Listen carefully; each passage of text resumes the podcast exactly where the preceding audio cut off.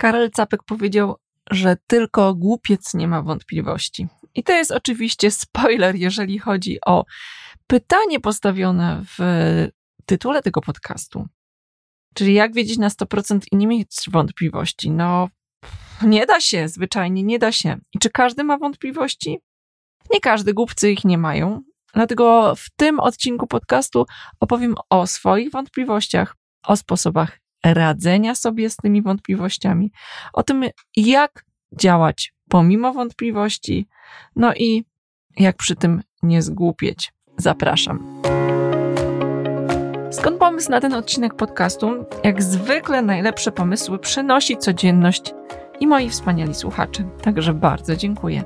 Sam temat zarezonował ze mną jakieś dwa lata temu. Dostałam maila po spotkaniu z pewnym z prezesem, w którym padło, cytuję, zdanie.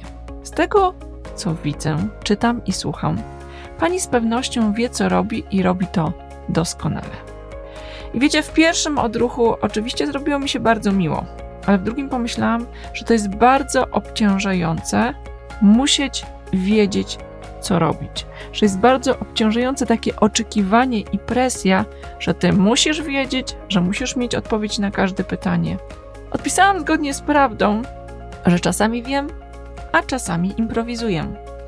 I w tym odcinku podcastu powiem Ci, jakie są naukowe dowody na to, że warto mieć wątpliwości oraz co robić, aby działać i nie mnożyć wątpliwości i oczywiście nie zgłupieć. Działamy. Na początek trzy rzeczy, które warto wiedzieć o wątpliwościach. Pierwsza rzecz to jest efekt Krygera-Dyninga. Wielokrotnie już wspominałam o nim. W notatkach do tego podcastu znajdziesz rozpisany ten efekt i o co w tym w ogóle chodzi. Dla tych, którzy wiedzą, nie wiedzą, małe przypomnienie. Efekt Krygera-Dyninga w sumie odpowiada za to, co doświadczamy w internecie. Mówi on o tym, że mały niski poziom, wręcz zerowy poziom wiedzy odważnia ludzi do wygłaszania jednoznacznych sądów. I to jest to, czego doświadczamy w internecie, czyli nie znam się, ale się wypowiem. Z drugiej strony, pogłębiona wiedza, eksperckość, specjalizacja w danym temacie powoduje, że tracimy pewność siebie, nie doceniamy swoje umiejętności i w związku z tym często się nie odzywamy. Znowu, to jest to, co widzimy w internecie. I jeżeli masz wątpliwości, to to wskazuje, że prawdopodobnie masz szerszą wiedzę, widzisz więcej, masz perspektywę, która pozwala ci widzieć i realnie ocenić sytuację. Dlatego głupcy nie mają wątpliwości, bo wydaje im się, że wszystko wiedzą, że jest jedna odpowiedź, że tą odpowiedź właśnie posiadają. Efekt Krygera-Dninga jest tak naprawdę błędem poznawczym, któremu ulegamy. I w tym poszukiwaniu miejsca na brak wątpliwości chcecie zachęcić, żebyś wiedział, że niekoniecznie jest to takie dobre, nie dał złapać się w tą pułapkę. Druga rzecz, o której warto wiedzieć, i mówiłam dużo na ten temat w 27 odcinku podcastu, mianowicie o syndromie oszusta, że często ludzie, którzy są ekspertami, mają presję i ulegają presji takiej, żeby mieć odpowiedź na każde pytanie. Że ja muszę wiedzieć wszystko, że ja powinienem wiedzieć. I z tego powodu bardzo często narzucamy na siebie presję pod tytułem mieć wątpliwość to źle, to nie wiedzieć, to nie mieć jednej odpowiedzi na dane pytanie. I to jest znowu taki dobry sygnał, jeżeli coś takiego czujesz, taki dobry sygnał na to, że jesteś ekspertem, że jesteś specjalistą, rozwijasz się w temacie, więc masz wątpliwość. Syndrom oszusta każe nam się chować w sytuacji, kiedy jesteśmy konfrontowani z tym, że inni będą mieli oczekiwanie, że będziemy wszystko wiedzieli, w sytuacji, w której jesteśmy na forum, jesteśmy pokazywani i tworzymy sobie presję, żeby wszystko wiedzieć. Chcesz trochę więcej dowiedzieć się na temat syndromu oszusta? Zapraszam do 27 odcinka podcastu. W notatkach do tego odcinka znajdziesz oczywiście link. No i trzecia rzecz to jest perfekcjonizm. Perfekcjonizm to znowu temat rzeka i obiecuję, że zajmę się tym tematem trochę głębiej jako nawrócona perfekcjonistka, jako, nie wiem, anonimowa perfekcjonistka, mogłabym powiedzieć, to chcę powiedzieć, że perfekcjoniści często mają taką presję poszukiwania idealnego rozwiązania i jednoznacznej prawdy. I w tej presji właśnie wątpliwości są czymś, co powoduje, że nie czujemy się dobrze, nie czujemy się komfortowo. W tej presji idealne rozwiązanie to powinno być w gruncie rzeczy rozwiązanie, które będzie pozbawione wątpliwości, o których my będziemy wiedzieli, że tak, to jest to. Czy to jest możliwe? No chyba nie. Tak jak spotkanie idealnego partnera, kogoś, kto będzie idealnie pasował do nas, jak druga połówka jabłka, tudzież pomarańczy. Każdy, kto jest w związku, długoletnim szczególnie, wie, że mężczyzna i kobieta to nie dwie połówki pomarańczy ani jabłka, ale raczej banan. I gruszka, tudzież inne, bardziej egzotyczne i pochodzące z różnych regionów owoce. Dlatego miej świadomość, że są przynajmniej trzy rzeczy, które są udowodnione naukowo, pokazujące, że jest pewna presja, że jest pewien błąd poznawczy, każący nam znaleźć idealne rozwiązanie, każący nam wiedzieć wszystko i nie mieć wątpliwości, ale wcale to nie jest takie dobre. W zapowiedzi tego odcinka obiecałam, że powiem Ci, w czym ja mam wątpliwość, żeby pokazać, że rzeczywiście to nie jest tak, że to jestem teoretykiem, który opowiada o wątpliwościach, bo wiem, że często, i to też ten mail od prezesa mi na to wskazał, mogę być postrzegana jako osoba, która jest pewna siebie, która nie ma wątpliwości, która idzie jak burza, co często jest mi pokazywane, której kariera super się rozwija, więc prawdopodobnie ona wie, co robić, ona wie na pewno, ma jakąś magiczną wiedzę, dostęp, tudzież umiejętność, urodziła prawdopodobnie się taka, że po prostu wie i nie ma wątpliwości. Nie, nic bardziej mylnego. Są przynajmniej cztery strefy, w których jestem przekonana, że tych wątpliwości mam bardzo dużo. Po drugie, mam pewność, że to są takie sfery, w których nigdy nie będę pozbawiona wątpliwości. Pierwsza rzecz to są decyzje inwestycyjne. Mianowicie zwyczajne, finansowe, w których pieniądze, które zarabiam, staram się inwestować w mądry sposób i jak wiecie, w inwestycjach nic nie daje nam stuprocentowej gwarancji. Znaczy, stuprocentowa gwarancja jest na podatkach i na rozwoju podatków i tego, że będzie ich coraz więcej, o czym wszyscy ostatnio się przekonujemy. Natomiast Nigdy tak naprawdę nie wiadomo, czy inwestując w nieruchomości, czy inwestując w waluty, czy jakiekolwiek, nawet w startupy, szczególnie w startupy, o tym, o czym przekonujemy się słuchając ludzi mądrzejszych i biegłych w tym temacie, nigdy nie masz gwarancji tego, że ta inwestycja się zwróci, że jest warta. Ta gwarancja jest mniej lub bardziej stabilna, doświadczenia z przeszłości pokazują, że to jest może być lepszym lub gorszym rozwiązaniem. Niemniej jednak to, co na pewno wiemy, to to, że zdecydowanie zawsze będziemy mieli w tym wątpliwość. Dlaczego? Dlatego, że życie przeżywamy w przód, a rozumiemy wstecz. I jak będzie na pewno, dowiemy się dopiero z perspektywy czasu. Druga rzecz, w której zdecydowanie mam wątpliwości, to jest wychowanie dzieci.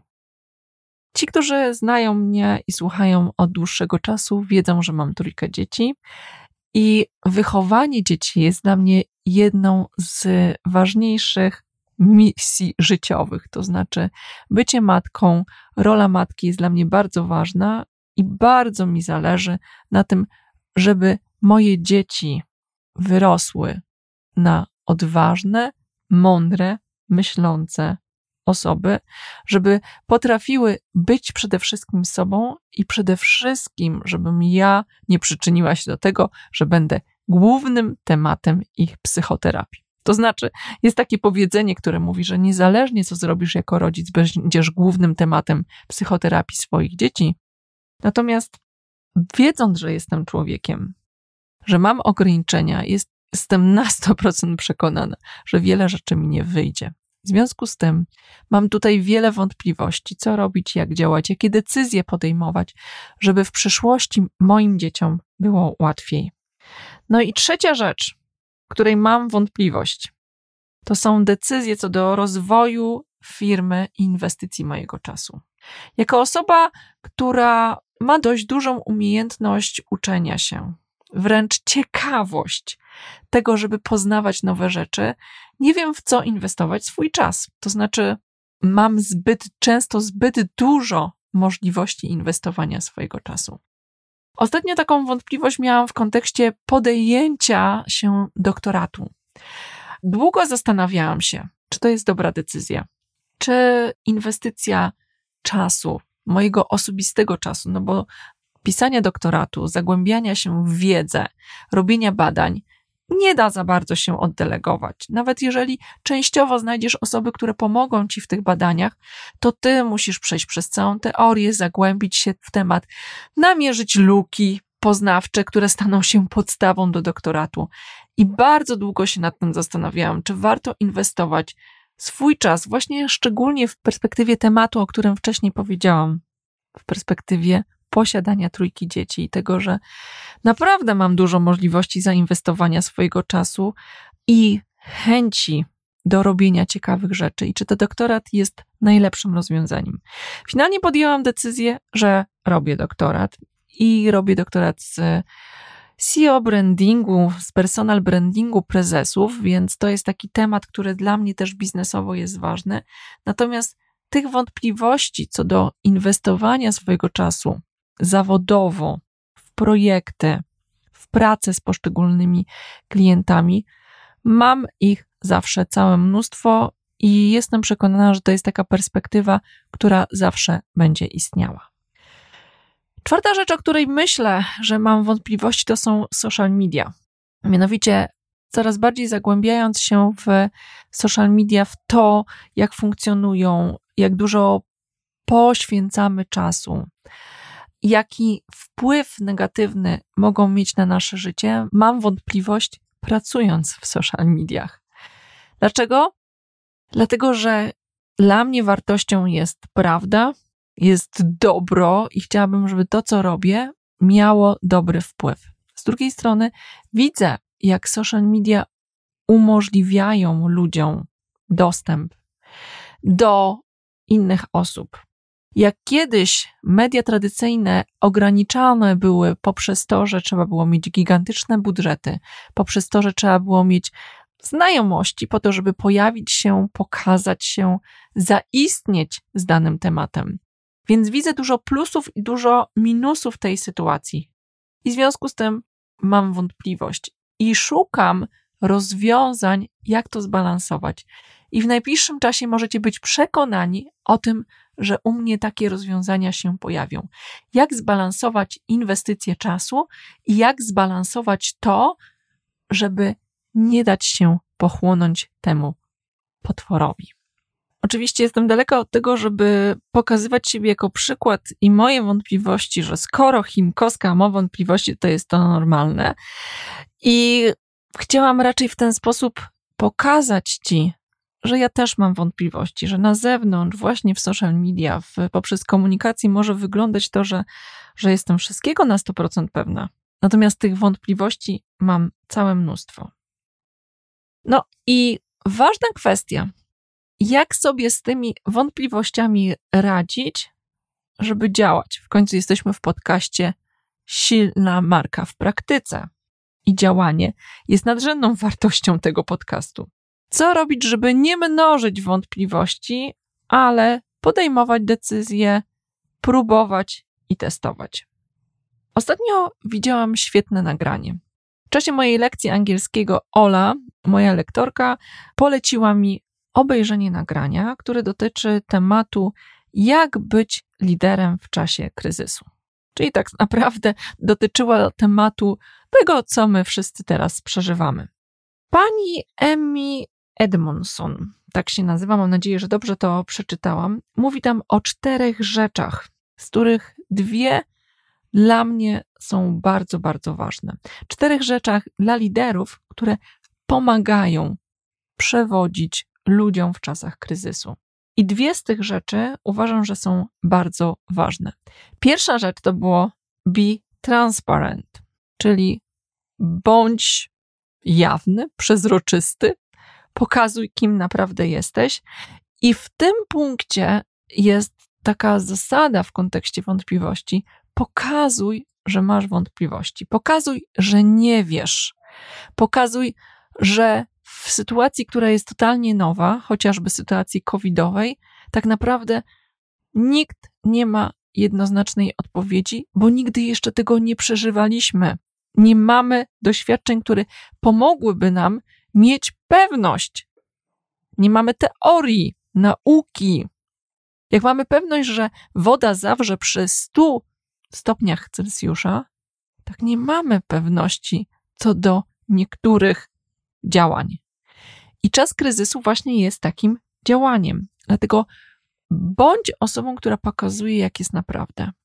Że nie wiesz, że masz wątpliwości, bo to z jednej strony uruchamia ludzi, z drugiej strony zdejmuje presję z ciebie, i to też niech będzie takim przyczółkiem do kolejnego kroku, który w mojej ocenie jest też kluczowy i był tam wymieniony, mianowicie act with urgency. Działanie często jest ważniejsze niż ciągła, pogłębiana analiza. I wątpliwości, a raczej testowanie, sprawdzanie, zabezpieczanie często prowadzi do tego, że my namnażamy kolejnych wątpliwości, kolejnych wątków do sprawdzenia, kolejnych możliwości i przestajemy działać.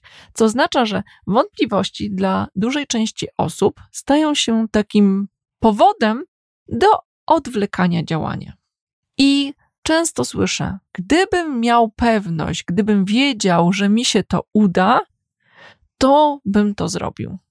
Dlatego często jest takie ćwiczenie.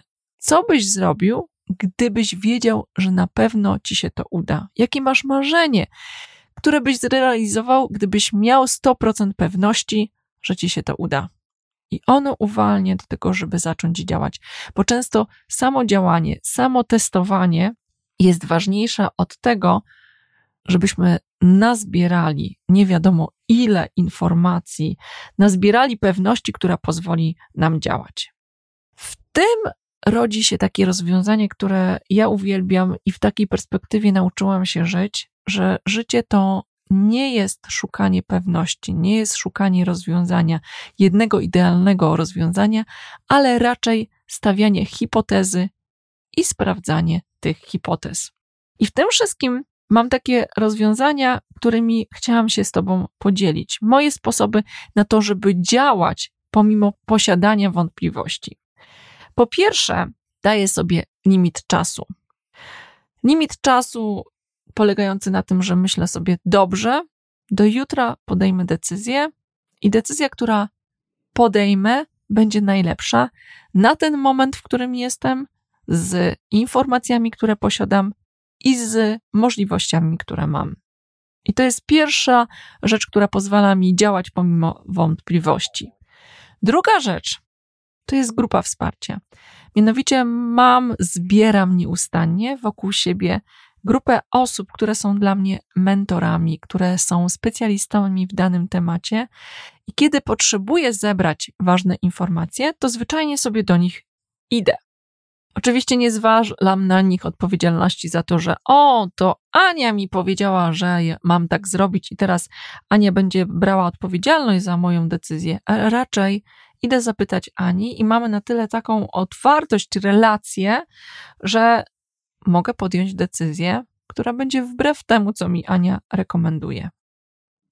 No i trzecia rzecz, o której już trochę wspomniałam, mianowicie podchodzę do życia nie jak do poszukiwania idealnej odpowiedzi, ale raczej podchodzę do życia jako do stawiania hipotez, że zakładam, że ta inwestycja czasu w mój doktorat się zwróci i to będzie dobra baza do tego, żebym nauczyła się naukowego podejścia do biznesu, do tego, żebym miała umiejętność tworzenia dobrej metodyki badań, weryfikowania badań i tego, co przychodzi do mnie, po to, żeby w przyszłości i już właściwie od teraz, od zawsze, mieć taką może niepewność, ale pewnego rodzaju gwarancję, nie na 100%, że to, co robię, jest merytoryczne, wynika z takiej intencji dowożenia najlepszej wartości, najlepszej jakości, jaką jestem w stanie dowieść. I taka jest intencja za tym doktoratem. I stawiam hipotezę, że właśnie doktorat pozwoli mi coś takiego wypracować i tą hipotezę weryfikuję działaniem. Moja znajoma ma takie powiedzenie, które uwielbiam, mianowicie testuje pole bojem. Hipoteza, stawianie hipotez, weryfikowanie tych hipotez jest właśnie testowaniem pola bojem i to jest mój trzeci sposób na radzenie sobie z wątpliwościami. No i już na koniec. Tylko głupiec nie ma wątpliwości. Dlatego szukaj wsparcia u ludzi mądrych życiowo i ekspertów w danych dziedzinach. Działaj szybko i myśl o swoich działaniach jako o hipotezach, a nie poszukiwaniu idealnego rozwiązania. Niech to, co robisz, nie będzie idealne, ale będzie optymalne na miejsce, w którym jesteś, czas, jaki masz i zasoby, które posiadasz. Załóż pewną granicę czasu, aby ciągle nie odwlekać. No i żyj, bo życie jest pełne wątpliwości, a jak powiedział Karel Capek, tylko głupiec nie ma wątpliwości. Oraz inny mądry człowiek, Anatole France powiedział, tylko głupiec ma odpowiedź na wszystko. Więc niech siła i moc będzie z Tobą w działaniu i do usłyszenia w kolejnym odcinku podcastu.